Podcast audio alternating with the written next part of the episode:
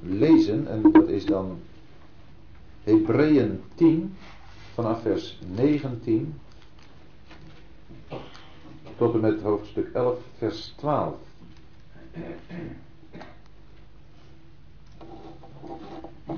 Daarbij dus, broeders, vrijmoedigheid hebben om in te gaan in het heiligdom door het bloed van Jezus langs de nieuwe en levende weg die Hij ons heeft ingewijd door het voorhangsel heen, dat is zijn vlees.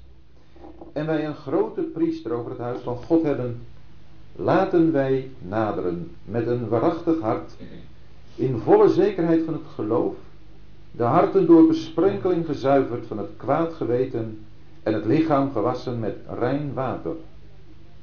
Laten wij de beleidenis van de hoop onwankelbaar vasthouden, want hij die beloofd heeft, is getrouw. En laten we op elkaar acht geven, tot aanvuring van liefde en goede werken, en laten we onze eigen bijeenkomst niet verzuimen, zoals sommigen gewoon zijn, maar elkaar vermanen, en dat zoveel te meer naarmate u de dag ziet naderen.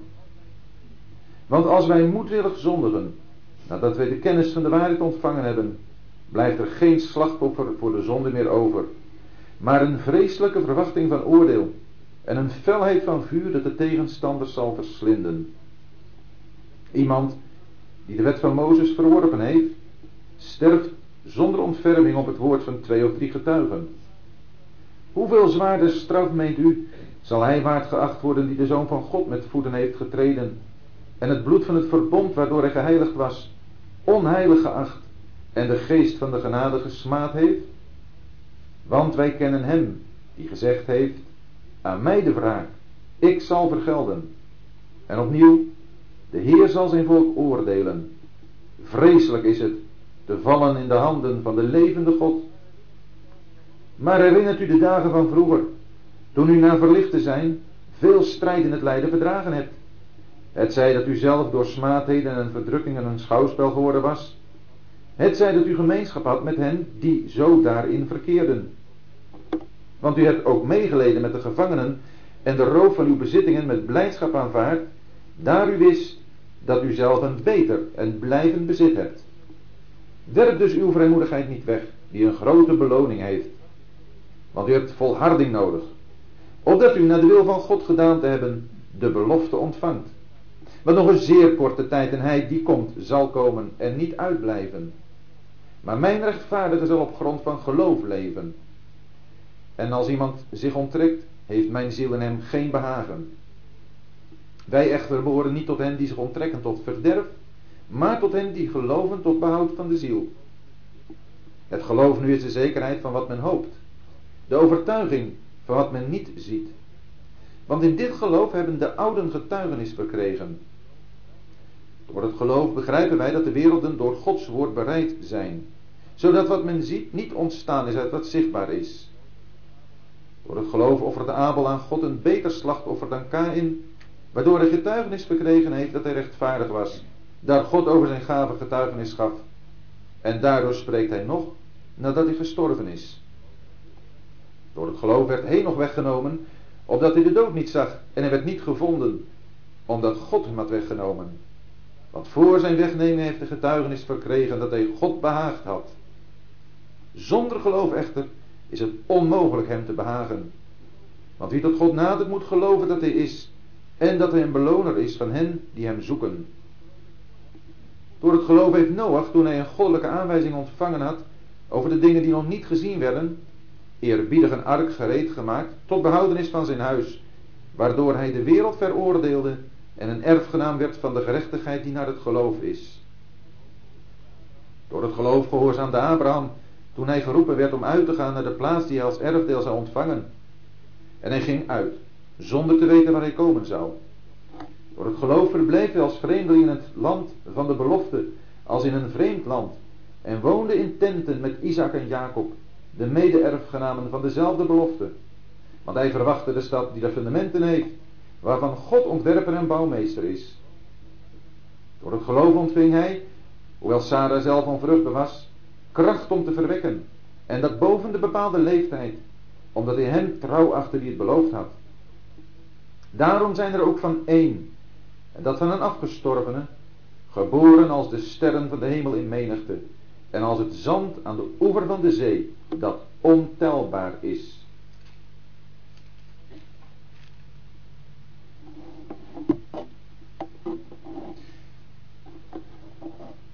We mogen verder gaan met die prachtige brief aan de Hebreeën.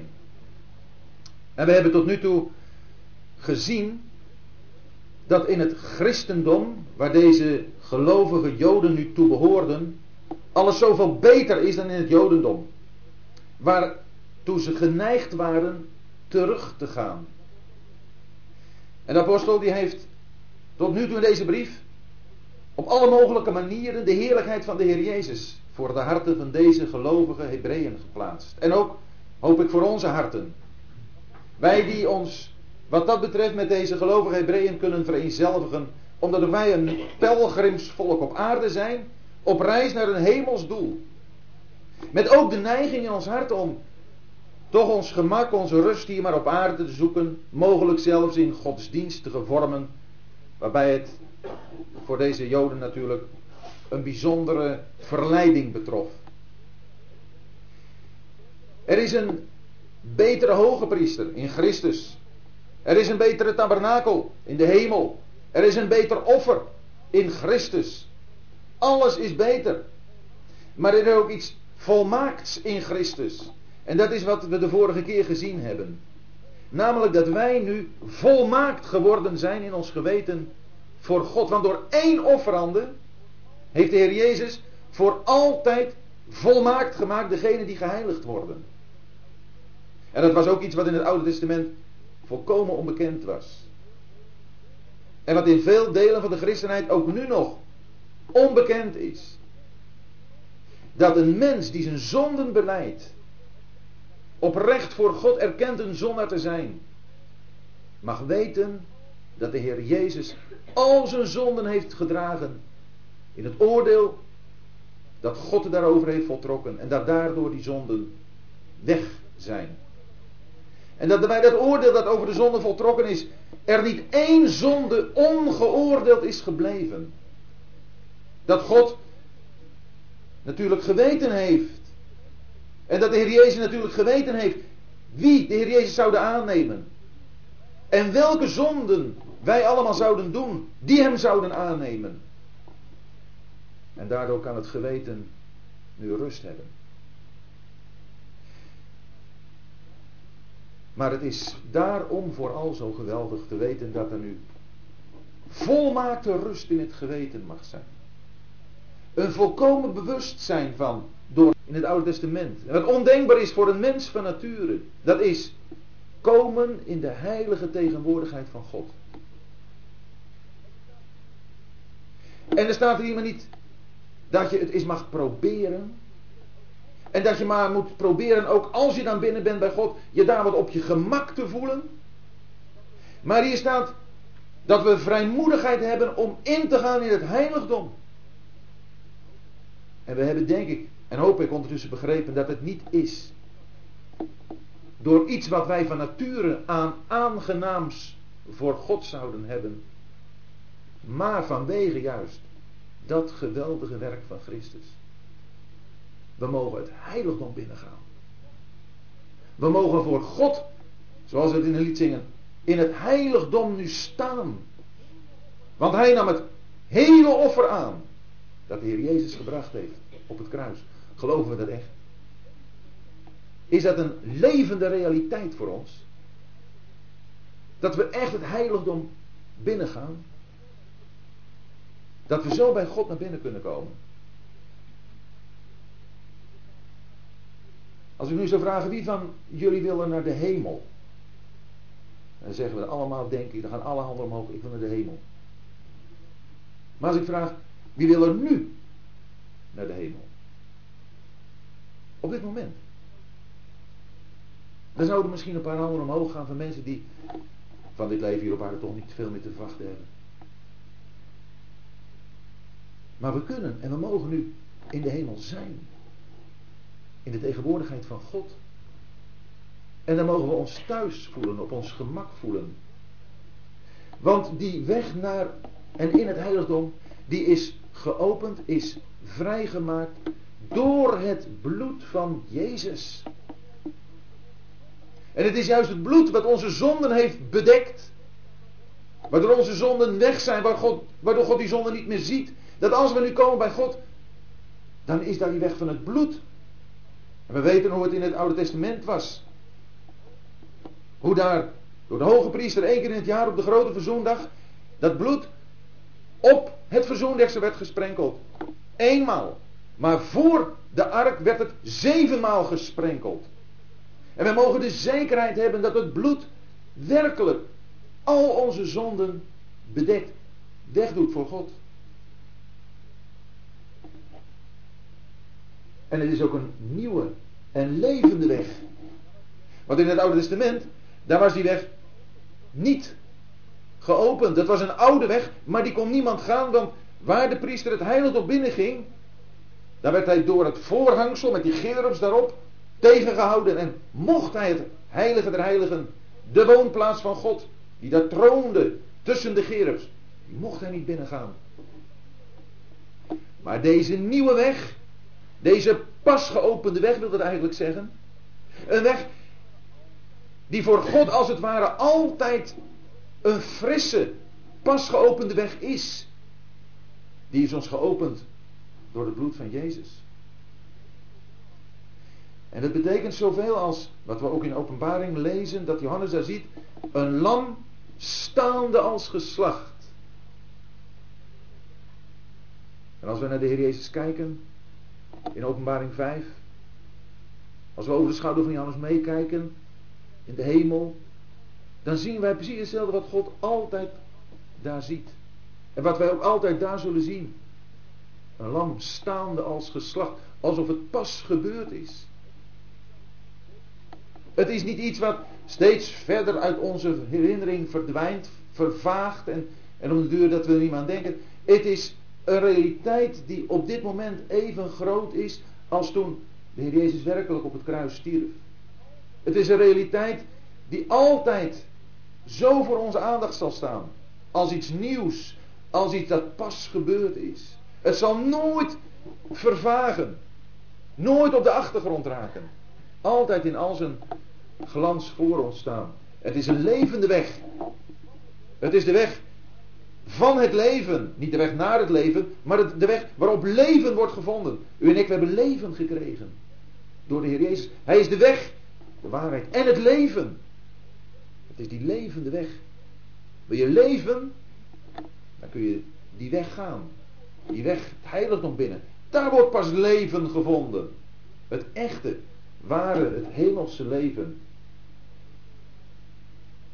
Hij heeft ons die weg ingewijd. Door het voorhangsel heen. Dat is zijn vlees. Ik zei net, die voorhangsel. Daar in de tabernakel. Dat was een voorhangsel die tegenhield. Maar het voorhangsel, het vlees van de Heer Jezus is geen voorhangsel dat tegenhoudt, maar dat opent. Door de Heer Jezus zijn we nu in Gods tegenwoordigheid gebracht. We worden niet tegengehouden. Er zijn geen gerubs, oordelaars van Gods gerechtigheid. We worden uitgenodigd. We mogen gaan. Want de Heer Jezus heeft die weg geopend, vrijgemaakt. En als we daar aan binnenkomen, dat heiligdom, daar zien we daar een gezelschap van priesters. Nee, we zien daar een grote priester over het huis van God. Het is alsof hij de enige priester is die daar zich bevindt. Oh, we mogen daar zijn als priesters, maar het gaat om hem. Hij staat centraal en hij krijgt alle aandacht.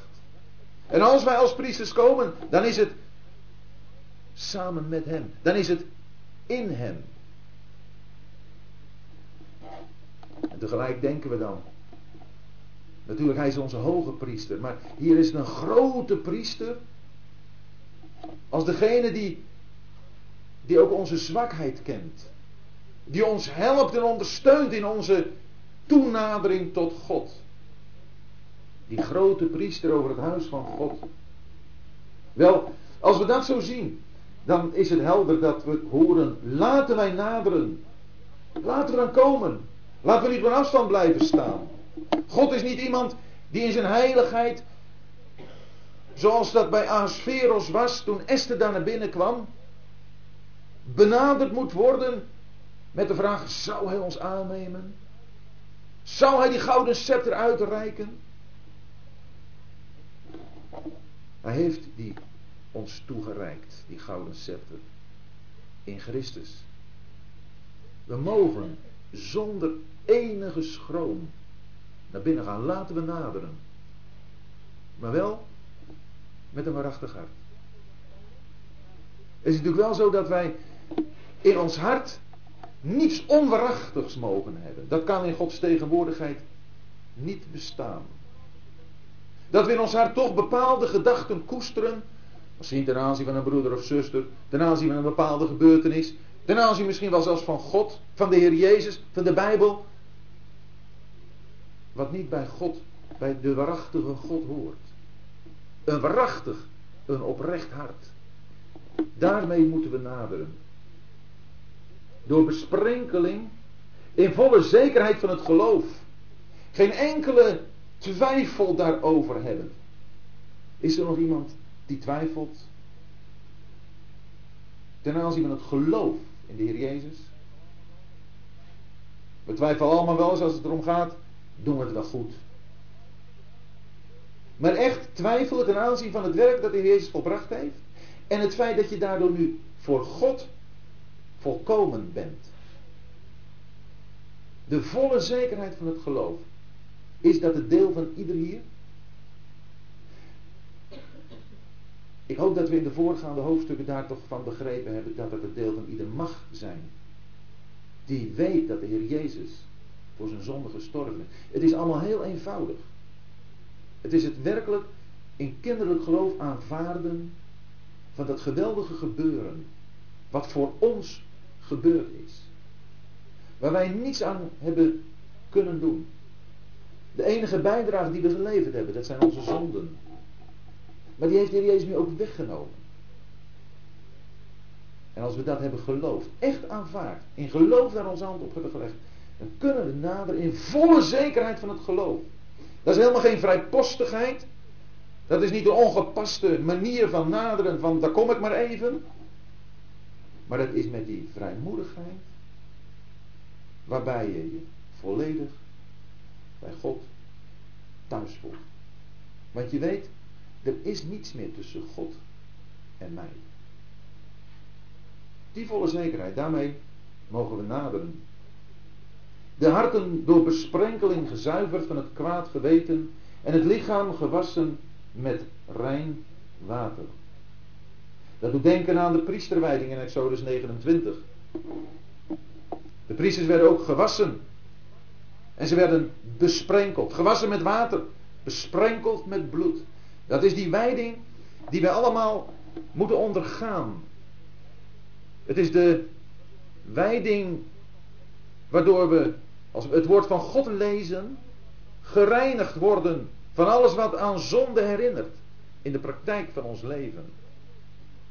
En het is die besprenkeling met bloed waardoor we, als het ware opnieuw, de kracht van het bloed mogen verwerkelijken.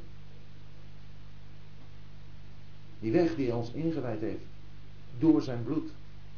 Het is goed om daar telkens aan te denken. Zonder bloedstorting was er geen vergeving. En het bloed is de weg tot God. Bij de priesters, daar werd uh, de rechteroorlel met bloed, daar werd bloed op gedaan. Op de rechterduim werd het bloed gedaan en op de rechtergrote teen werd het bloed gedaan. En daarop werd dan olie gedaan. En dat zegt het. Dat de praktijk van ons leven door dat bloed geheiligd moet zijn. Petrus zegt het in zijn eerste brief. Dat wij geheiligd zijn door besprenkeling met het bloed van Jezus Christus. Alles in ons leven onder de kracht van het bloed. Ons oor, dat waar we naar luisteren. Wat, ons, wat onze gedachten binnenkomt. Waar luisteren we naar? Waar kijken we naar? Wat komt ons gedachtenleven binnen? Wat lezen we? Zijn het de dingen die als het ware geheiligd zijn door het bloed?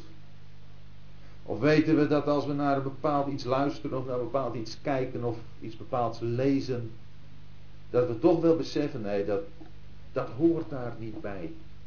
Dat is niet iets wat door het bloed van de Heer Jezus bedekt is. Dat moeten we als het ware opnieuw oordelen. En onze duim, de hand, onze daden, hoe we bezig zijn, is dat ook in overeenstemming met de waarde van het bloed voor God? Zijn onze, hand, onze daden geen zondige daden? De handelingen die we verrichten geen zondige handelingen? Kan het de kracht van het bloed, kan dat erop toegepast worden? En het bloed op de rechte grote teen. Waar gaan we heen? Wat is onze doelstelling in het leven? Wat willen we bereiken? Kan alleen in de kracht van het bloed. Als het daardoor bedekt is. Als het daarmee niet in strijd is. Dan zijn we op de goede weg. En is er geen enkele schroom om op die manier het heiligdom binnen te gaan. Laten wij de beleidenis van de hoop onwankelbaar vasthouden. Want hij die beloofd heeft, is getrouw. Wij komen het heiligdom nu weer uit. We zijn het heiligdom binnengegaan op uitnodiging, om te naderen, de juiste gezindheid. Maar dan komen we ook weer naar buiten. En we hebben een beleidenis vast te houden. Een beleidenis van de hoop. Die hoop is een zekerheid van dat wat in de toekomst ligt. Dat we dat zullen bereiken. En kunnen we dat tegenover deze wereld, de wereld waarin we leven, ook nog waarmaken? Kunnen we er iets van vertellen? Kunnen we, zoals het ook in Peter staat, meen ik, verantwoording afleggen van de hoop die in ons is? Die beleidenis tegenover de wereld. Wat zien de mensen van ons? Is niet alleen maar dat we over bepaalde zaken praten, maar dat ze ook in ons leven zien waar we voor leven. Een beleidenis dat straalt uit ons hele leven. Laten we die toch onwankelbaar vasthouden. En broeders en zussen, laten we ook elkaar daarin bemoedigen. Dat we die hoop voortdurend voor ons houden. Dat we niet wegzakken tot het niveau van het leven op aarde. Alsof het hier op aarde allemaal te vinden is. Dat daar onze toekomst mee verbonden is. We hadden van de week een, oudere vrouw, pas weduwe is. 73, 74 jaar. En het was eenzaam. Maar ze vreugde zich in de Heer. Ze was blij dat ze hem kende. En ze wist dat ze naar hem uitzag. En ze was een vrouw van 91 jaar wezen opzoeken. En toen had ze van die hoop, van de beleidenis van de hoop had ze getuigd. En die vrouw van de 91 jaar die zei, dit snap ik niet. Ik hang nog met duizend banden aan dit leven. Dan ben je 91 jaar, dan sta je voor de poort van de eeuwigheid. En dan ben je nog zo verknocht aan dit leven. Dat is de beleidenis van onze hoop. Kunnen wij echt getuigen dat onze hoop echt helemaal verbonden is met de Heer Jezus en met de toekomst? Of zijn we ook nog met duizend banden gebonden aan dit leven? Hij die beloofd heeft, is getrouw. Hij die beloofd heeft, is getrouw. Als je je met hem verbonden hebt, dan heb je te maken met iemand die trouw is. Die iets beloofd heeft, die hoop die, die daar voor ons is weggelegd, die belooft. En dat komt helemaal voor elkaar.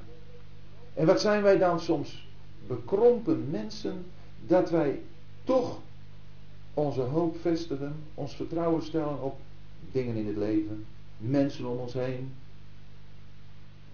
En we vergeten God. Maar Hij heeft beloofd. Hij is trouw. En laten we op elkaar acht geven. Die beleidenis was een persoonlijke zaak.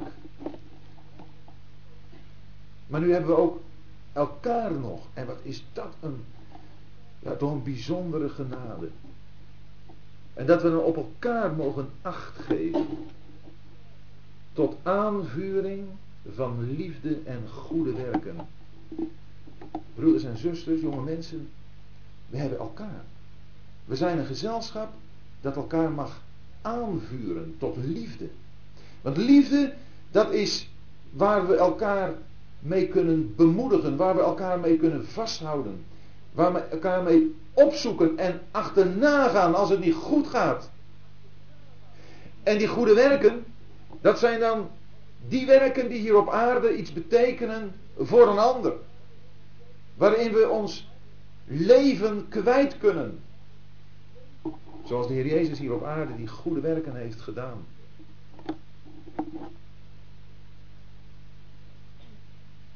En laten wij onze eigen bijeenkomst niet verzuimen zoals sommigen gewoon zijn.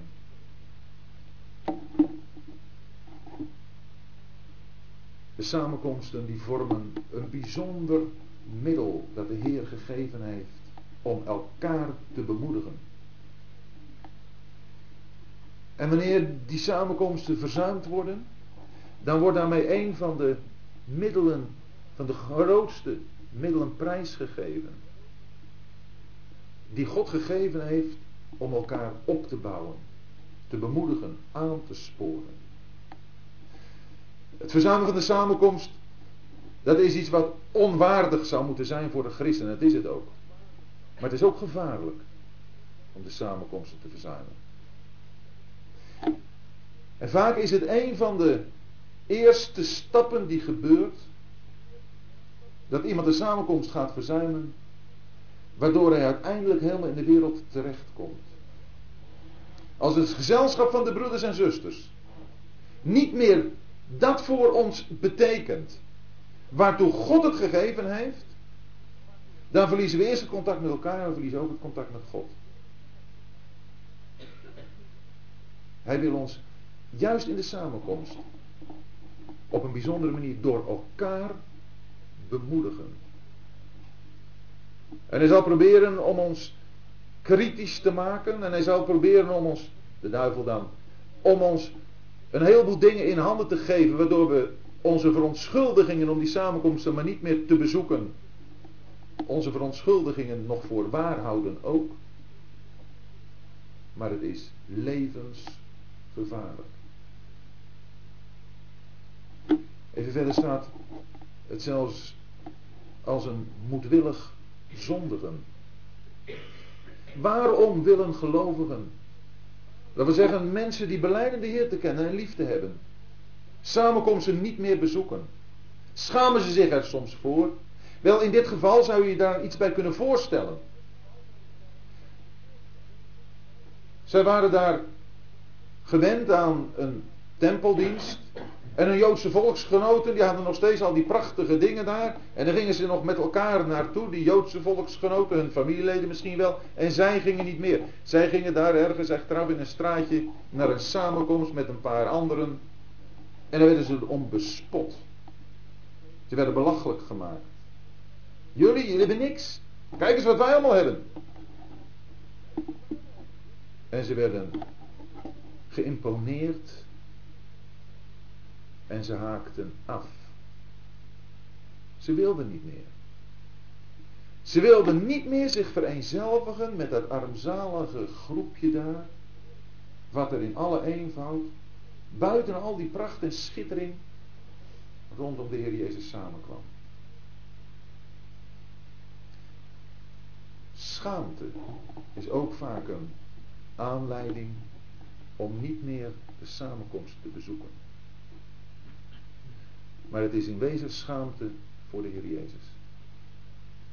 Want als je gaat om Hem, dan ga je graag.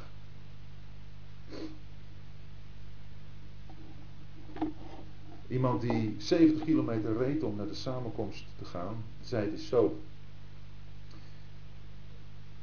Er was een, uh, een kerkelijke gelovige die tegen hem zei: 70 kilometer om naar de kerk te rijden, hij zei inderdaad 70 kilometer naar de kerk rijden is inderdaad veel. Maar 70 kilometer om naar de Heer Jezus te rijden, dat is echt niet veel. Als je naar de Heer Jezus toe gaat, dan wil je graag bij Hem zijn. En dan heb je daar wat voor over. En in die samenkomst, daar vermanen we elkaar. Het is niet een elkaar vermanen om naar de samenkomst te gaan, maar in die samenkomst vermanen we elkaar en dat zoveel te meer naarmate u de dag ziet naderen. De dag van het oordeel over Jeruzalem. Denk er maar goed om. De dag van het oordeel over het grote Babylon. De dag van het oordeel over alles wat naamchristelijke beleidenis is. En willen we ons daar nog mee conformeren, daaraan conformeren, daarmee optrekken, daarmee vereenzelvigd worden? Het wordt allemaal weggevaagd. En wat blijft? Er blijft alleen wat voor de Heer Jezus is. Alleen voor Hem. En wij moeten ook wat dat betreft elkaar maar vermanen naarmate we de dag zien naderen van het oordeel over deze wereld. Want het oordeel komt heel binnenkort. En laten we elkaar daarom ook bemoedigen, juist ook in de samenkomsten. En laten we die daarom die samenkomsten opzoeken. Om daarover de Heer Jezus te horen, waardoor onze harten naar Hem zullen uitgaan. En laten we die kritiek maar eens een keer opzij zetten, veroordelen. En als er dan iets is waar iets over gezegd moet worden, ga dan naar die broeder of zuster toe. Vermaan hem tussen u en hem alleen. Dien elkaar door de liefde. En zet elkaar aan tot goede werken. Want als wij moedwillig zondigen nadat wij de kennis van de waarheid hebben ontvangen, blijft er geen slachtoffer voor de zonde meer over, maar een vreselijke verwachting van oordeel en een felheid van vuur dat de tegenstanders zal verslinden. Hier komt weer tussendoor zo'n heel ernstige vermaning. Het gezelschap in zijn geheel wordt aangesproken. En de schrijver die betrekt zichzelf erbij. Als wij moedwillig zondigen. Maar dat betekent niet dat het hier om gelovigen gaat. Het gaat hier om beleiders. En beleiders, dat bestaat zowel uit echte waarachtige gelovigen als uit naambeleiders. Mensen die niet leven uit God hebben. Maar dat kun je vaak bij elkaar niet zien. En daarom willen we ons allemaal laten aanspreken hierdoor. Als wij moedwillig zondigen, als ik moedwillig zondig. En dan moet ik niet zeggen, oh dat, eh, dat kan me niet gebeuren, ik ben een echte gelovige. Echte gelovige, die zondigen niet moedwillig. Nee, dat mag wel waar zijn. Maar ik word hier aangesproken in mijn verantwoordelijkheid. En u, jij wordt aangesproken in je verantwoordelijkheid. Moedwillig zondigen betekent bewust tegen God in opstand komen. En daarbij een geest van rebellie openbaren. En voor zoiets, nadat wij de kennis van de waarheid ontvangen hebben, voor zoiets is alleen maar oordeel. Nadat wij de kennis van de waarheid ontvangen hebben. Dat wil zeggen dat wij bekend zijn geworden met de christelijke waarheid. Die hebben we gehoord thuis van onze ouders. Die hebben de samenkomsten gehoord. We hebben erbij gezeten. En we kunnen als het ware al die waarheden zo reproduceren. Je kunt er een spreekbeurt over houden. Je kunt er een toespraak over houden. Maar als het niet in werkelijkheid van je hart is, dan is het niet je eigendom.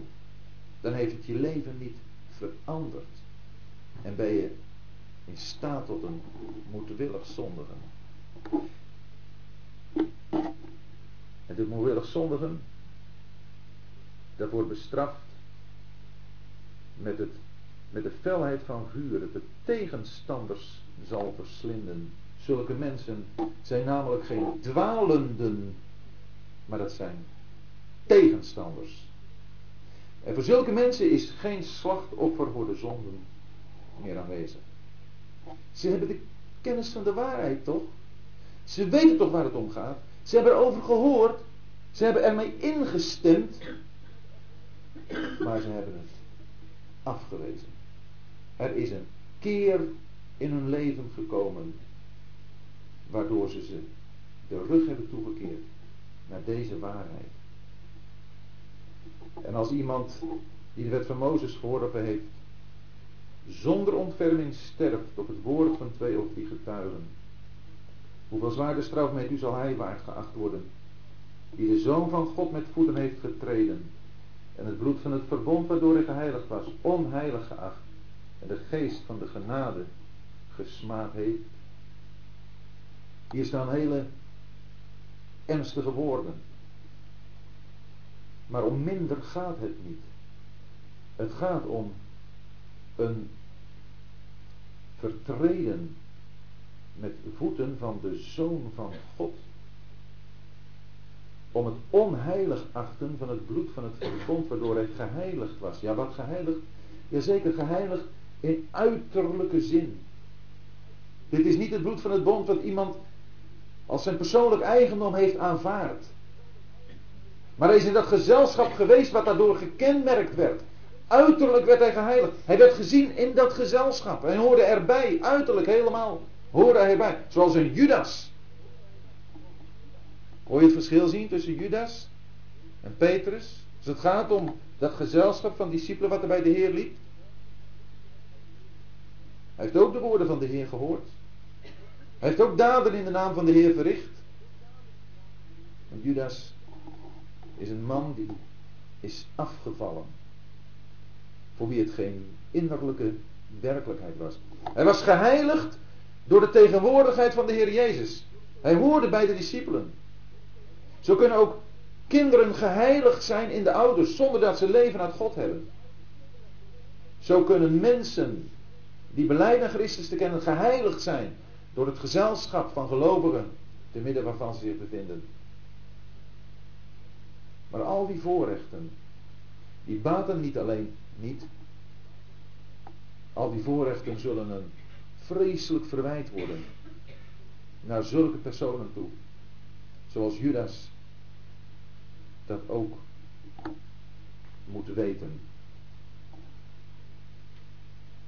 Want wij kennen hem die gezegd heeft aan mij de wraak. Ik zal vergelden. En opnieuw de Heer zal zijn volk oordelen. Vreselijk is het te vallen in de handen van de levende God. De gelovige die valt graag in de handen van de levende God. Zo zei David het toch. Laat me niet vallen in de handen van mensen toen hij het volk geteld had. En die straf moest komen. Maar laat mij vallen in de handen van de levende God.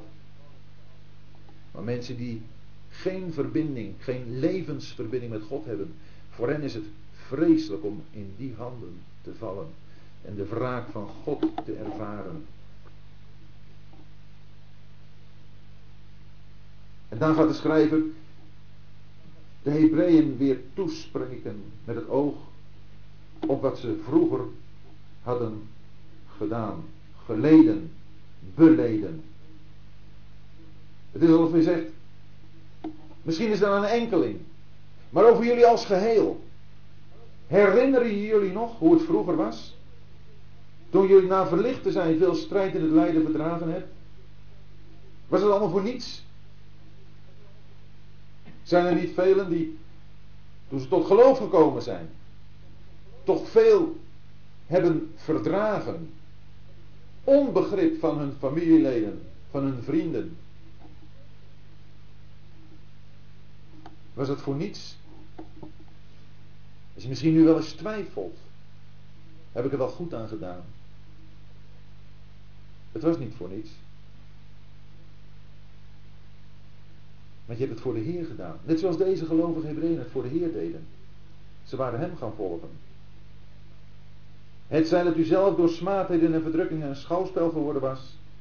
Het zij dat u gemeenschap had met hen die zo daarin verkeerden.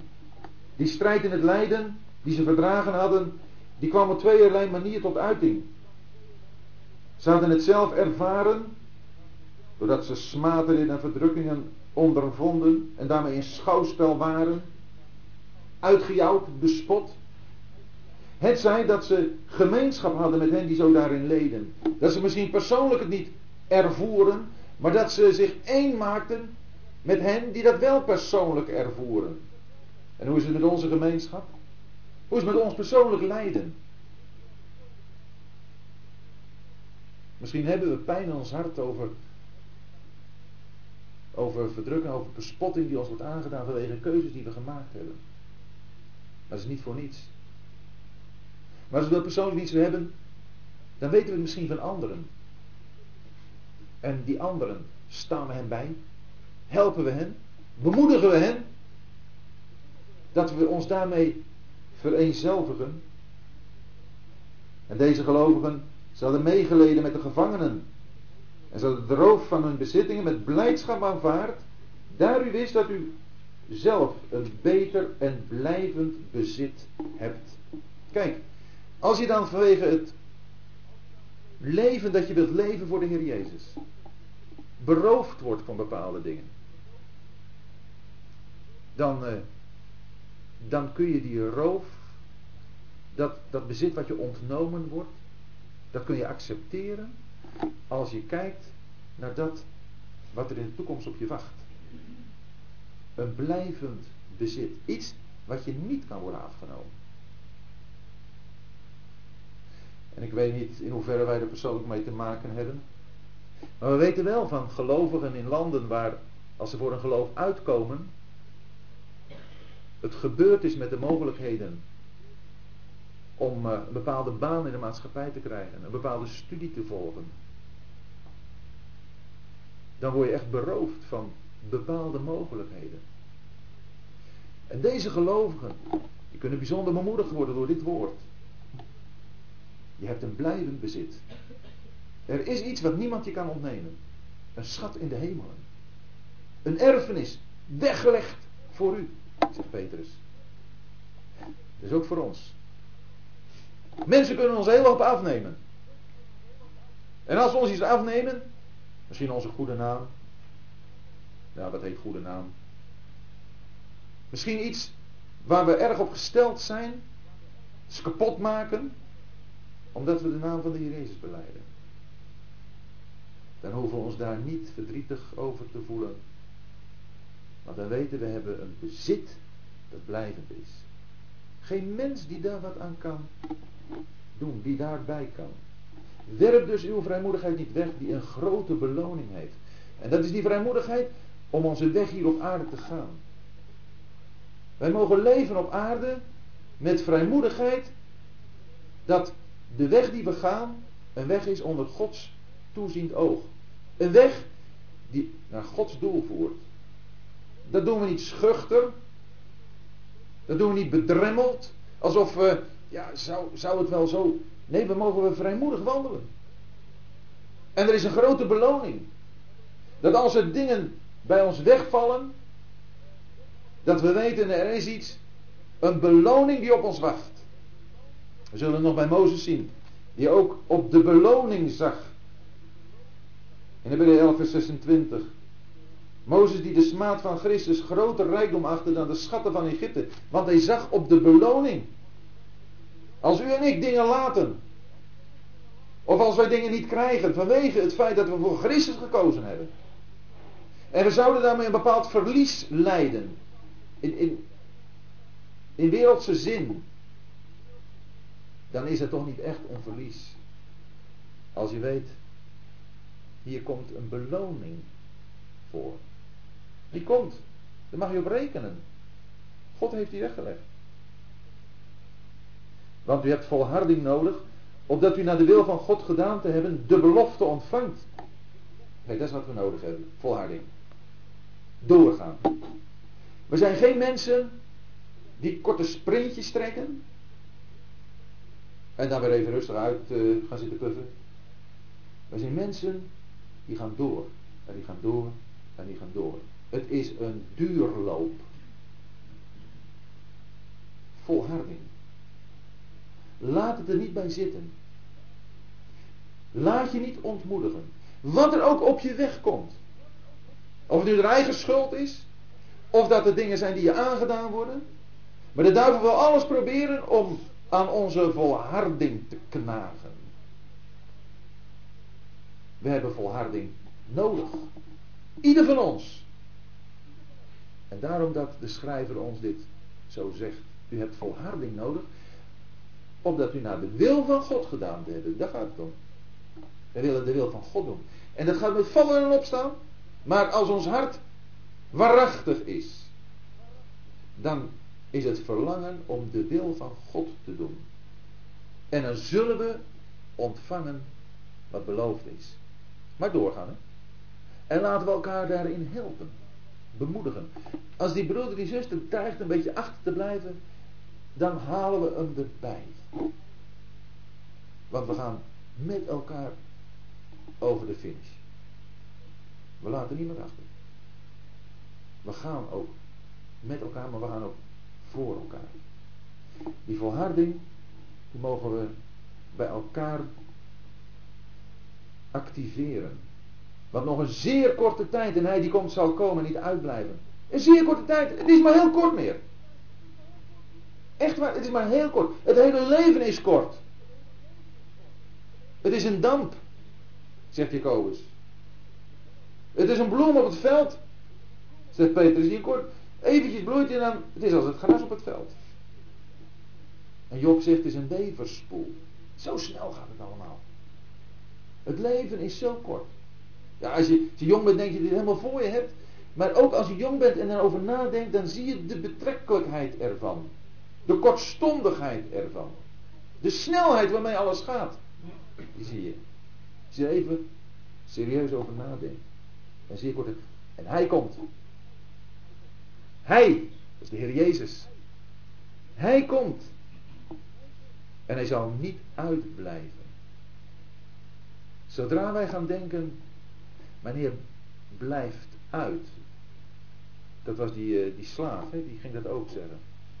Als die boze slaaf in zijn hart zegt, mijn heer blijft uit. Dan begin je je medeslaven te slaan. Begin je Geloof. Nou, hoofdstuk 11, dat gaat ons een, een portret geven van een aantal mensen die in geloof hebben geleefd. Daar mogen we dadelijk een paar al van zien. Indrukwekkend. Om te zien hoe het geloof in deze mensen heeft gewerkt. Wat het met hen heeft gedaan. Wat het voor hen heeft betekend. En daar mogen wij ons aan spiegelen. Maar het gaat om leven op grond van geloof. Toen wij tot geloof kwamen in de Heer Jezus, toen gaf ons dat het leven.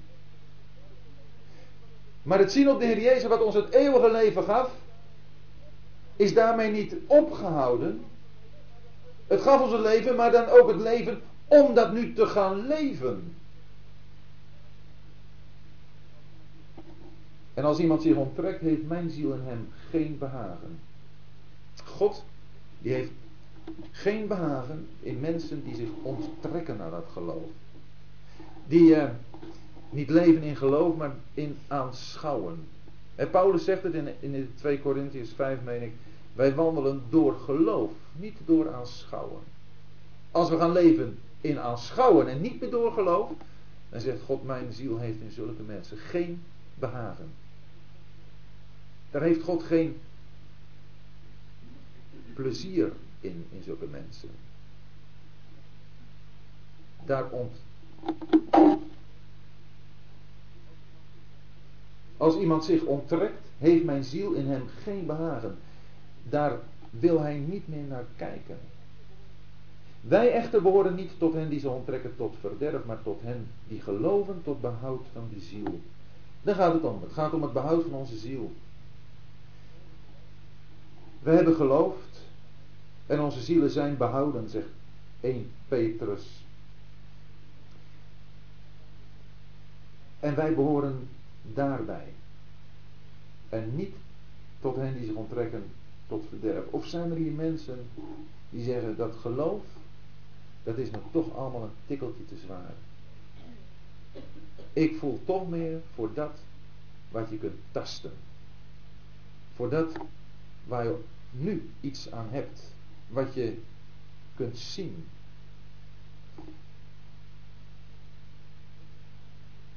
Dat was het gevaar van deze gelovigen. En is het gevaar ook voor elk van ons. En vandaar ook dit woord. Dat wij moeten en mogen zeggen tegen elkaar. Maar wij horen niet bij hen die zich onttrekken tot verderf. Maar tot hen die geloven tot behoud van de ziel. We gaan voort tot de volle behoudenis. En dat geloof dat daar zo'n machtig werk in doet, dat wordt nu in hoofdstuk 11 aan ons voorgehouden. In vers 1 van hoofdstuk 11, daar vinden we niet zozeer een definitie van het geloof, maar daar vinden we hoe geloof werkt. Het geloof nu is de zekerheid van wat men hoopt, de overtuiging van wat men niet ziet. En dat, ik vind het prachtig om eraan te denken, maakt het geloof tot iets wat vooruit ziet. Het is de zekerheid van wat men hoopt. En het is iets wat omhoog ziet. Dat wat je nu niet ziet. Het ziet voorwaarts, de toekomst, en het ziet opwaarts naar God. In dit geloof hebben de ouden getuigenis verkregen. Dat geloof wat u en ik bezitten en waar, waar wij uit willen leven, dat is niet uniek. Dat is iets wat al de gelovigen in het Oude Testament al hebben gekend. En wat in hun leven een duidelijke rol speelde. En wat hun leven heeft bepaald. En dat is ook uh, voor ons, hoop ik, het geval. Door het geloof begrijpen wij dat de werelden door Gods woord bereid zijn, zodat wat men ziet niet ontstaan is uit wat zichtbaar is.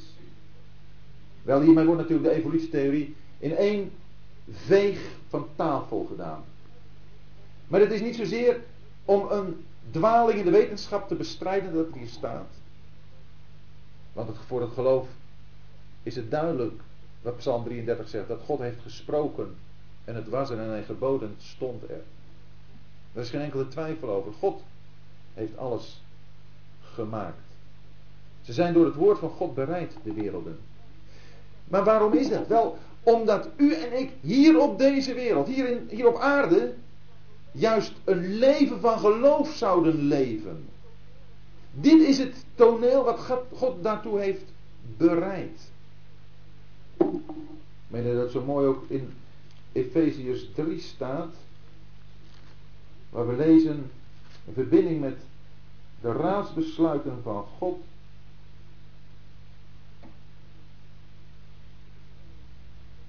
In vers 9. Waar Paulus het zegt, en voor in het licht te stellen wat het rentmeesterschap is van de verborgenheid, die van alle eeuwen verborgen was in God, die alle dingen geschapen heeft. Opdat nu aan de overheden en de macht in de hemelse gewesten door de gemeente de veelvoudige wijsheid van God bekend gemaakt wordt. Waarom staat er zo ineens tussen? God die alle dingen geschapen heeft. Wel, omdat dit het terrein is waar de gemeente zich nu bevindt. En dat dit het terrein is dat vanuit de gemeente aan de overheden die veelvuldige wijsheid van God bekendgemaakt wordt. En God heeft de wereld geschapen. Omdat dat het terrein is waar het geloof zich openbaart. Daarbij mogen we weten dat wat hier genoemd wordt als Gods schepping ook vooruitwijst naar de herschepping. Naar het vrederijk. Waar in uh, Jezaja 65 meen ik van staat, zie ik schep een nieuwe hemel en een nieuwe aarde. Daar wijst het nou aan vooruit. Er zal een keer een tijd komen dat alles alleen maar gekenmerkt zal zijn door wat van God is. Maar nu vinden we te midden van een wereld die van God niets wil weten, mensen die in verbinding staan met God, die God vertrouwen. En op dat toneel vinden we een Abel. Deze Abel heeft het begrepen dat de wereld die door God geschapen is, dat daar de zonde is binnengekomen. En dat voor God kunnen bestaan, nu alleen maar bestaan, betekent op grond van een offer. Door het geloof offerde Abel aan God een beter slachtoffer dan Kain. Waar bestond het betere slachtoffer van Abel uit? Wel, dat was omdat het een bloedig offer was. Kain bracht ook een offer. Kain bracht een offer, maar van een vervloekte aarde. Hij bracht de vrucht ook van zijn eigen inspanning. Dingen waar God geen behagen in heeft. Als wij tot God kunnen komen, is dat uitsluitend de grondslag van het offer. van Christus. En Abel krijgt een getuigenis dat hij rechtvaardig was, omdat God van zijn gaven getuigenis gaf. En daardoor spreekt hij nog dat hij gestorven is. Abel is gestorven. Maar zijn mond is niet gesnoerd. Hij spreekt nog steeds. Ook vanavond spreekt Abel nog. Hij heeft God gezocht. Hij is tot God genaderd op de juiste grondslag. En dan zul je moeten realiseren dat het op die manier naderen tot God nou niet direct het applaus van de mensen die God op hun eigen manier willen dienen, dat je dat applaus krijgt. Eerder kun je de doodklap krijgen. Want Abel begreep het, dat hij voor God alleen op grond van genade kon bestaan. En als hij op grond van genade voor God staat, dan zul je vervolgd worden door mensen die alleen door hun eigen werken God willen behagen. In Henoch vinden we een tweede aspect van het geloof. En dat is de wandel van het geloof.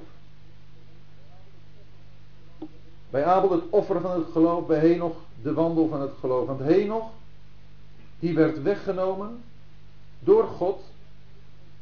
En voor zijn wegneming heeft hij getuigenis gekregen dat hij God behaagd had. Als we over Henoch lezen in het boek Genesis, dan lezen we daar dat Henoch wandelde met God. En het is mooi dat dat hier in Hebreeën 11 zo weergegeven wordt dat hij God behaagd heeft. Maar dat is Gods bedoeling. Dat een wandel van de gelovigen, dat dat iets is wat God behaagt.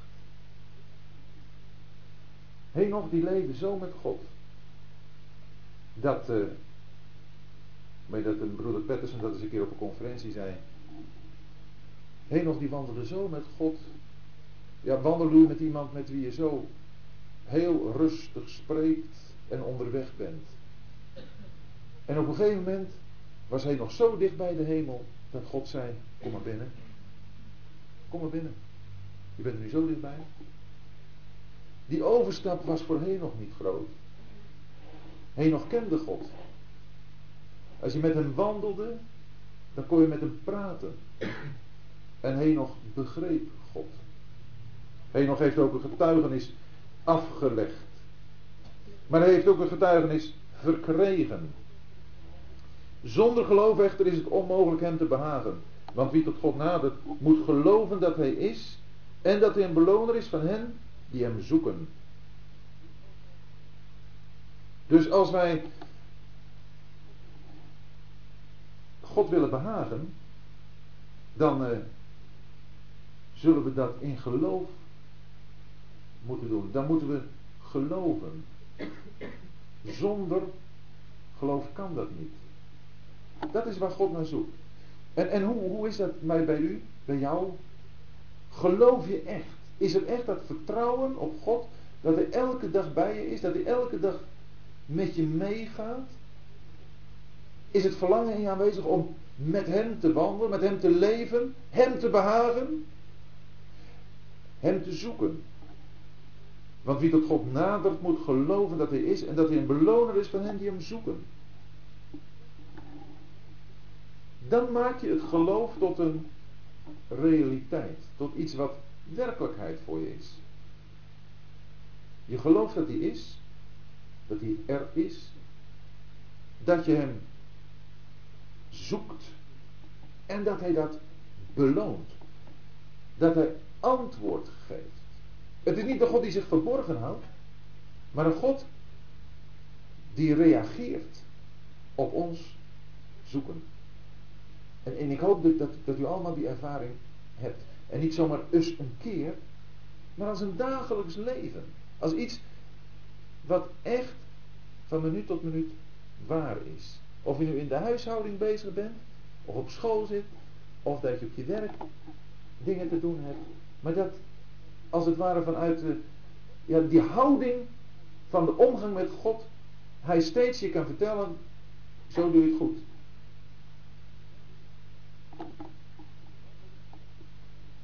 De wandel met God.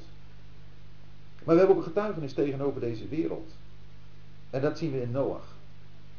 Door het geloof heeft Noach, toen hij een goddelijke aanwijzing ontvangen had over de dingen die nog niet gezien werden, eerbiedig een ark gereed gemaakt tot behoudenis van zijn huis, waardoor hij de wereld veroordeelde en een erfgenaam werd van de gerechtigheid die naar het geloof is. Ja, God, Noach die had een, eh, goddelijke aanwijzing ontvangen. God had hem verteld over, over zaken die nog niet gezien werden. God had hem verteld dat hij de wereld ging oordelen. En hij had hem verteld dat hij een ark moest bouwen. En Noach is aan de bouw geslagen. Als je Genesis 6 eh, leest, dan kun je zo toch de gedachte wel krijgen dat het nog een 120 jaar zou duren. En Noach, die begon daar met zijn eerste balkjes. En de mensen die vroegen, Noach, wat doe je daar? Hij zei, ik ga een ark bouwen, want God gaat de wereld oordelen. Nou, die mensen die hebben zich natuurlijk, die hebben in deuk gelegen. Noach is niet goed bij zijn zinnen geworden. Maar Noach is doorgegaan. En Noach heeft gebouwd.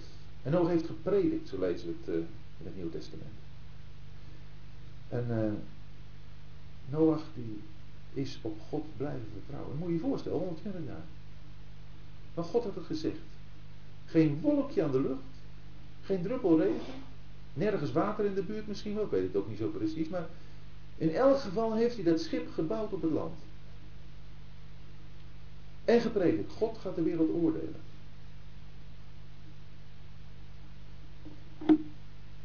En het duurde nog zeven dagen en God zei, en al die dieren er naartoe. En dan gaan die dieren, die dieren die waren heel wat gehoorzamer dan die mensen. Die gingen wel. En de mensen nog steeds maar lachen misschien. En toen ging Noach in de ark met zijn vrouw en zijn drie zonen en de vrouwen van zijn zonen.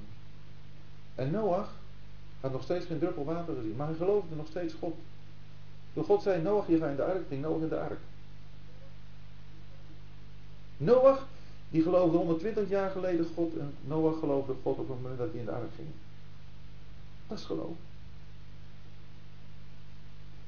En toen begon het te regenen.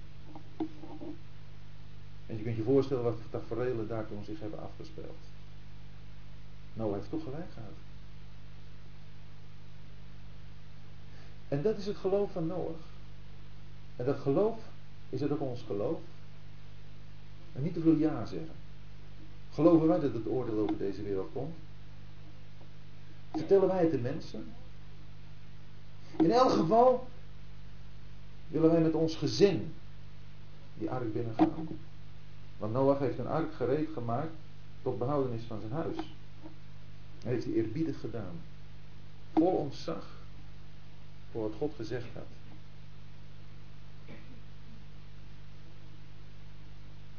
En daardoor heeft hij de wereld veroordeeld.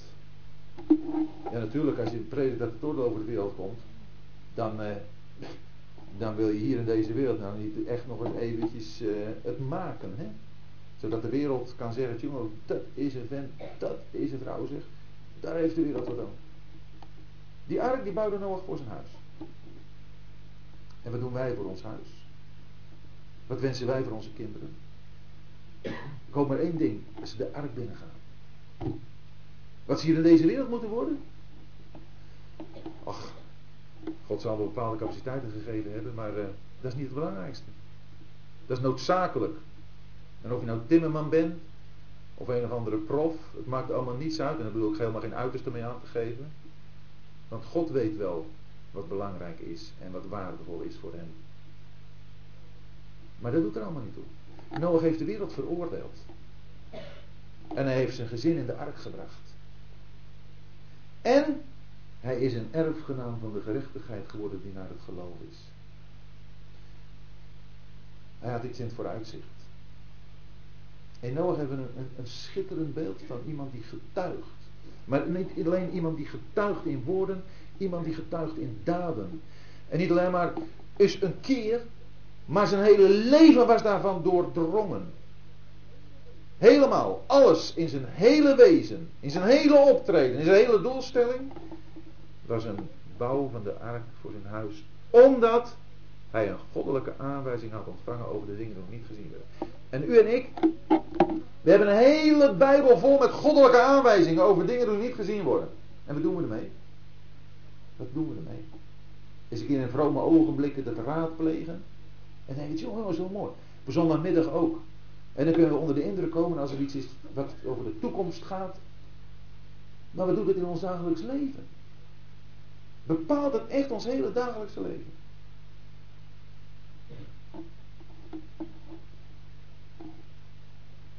En daarbij zijn we pelgrims, vreemdelingen.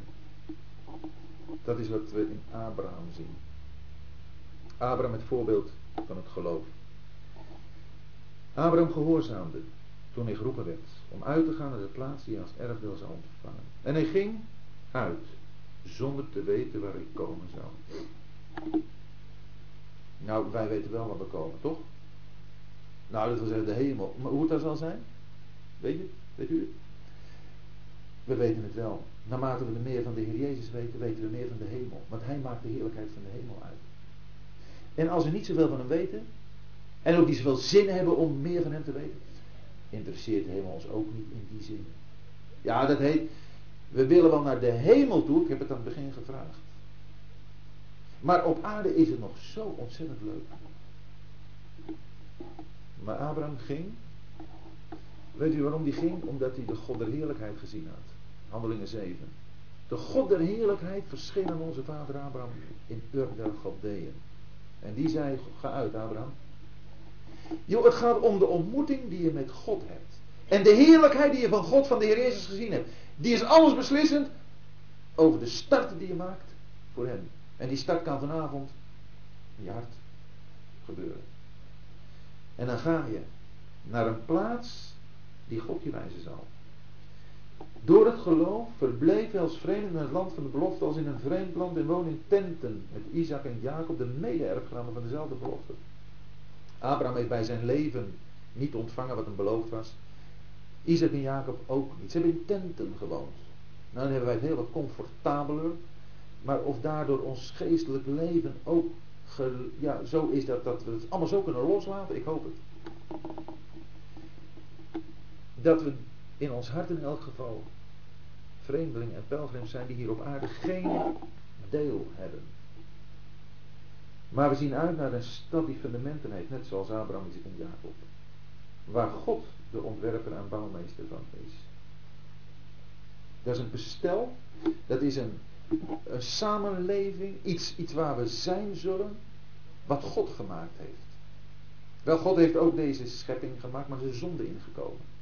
Maar die stad waar we naar mogen kijken, die, eh, die is door God geformeerd. Dat is de basis door God van gelegd in het werk van Christus. En hij heeft het ook helemaal ontworpen. Op een manier dat we ons daar ook volkomen in zullen thuis voelen.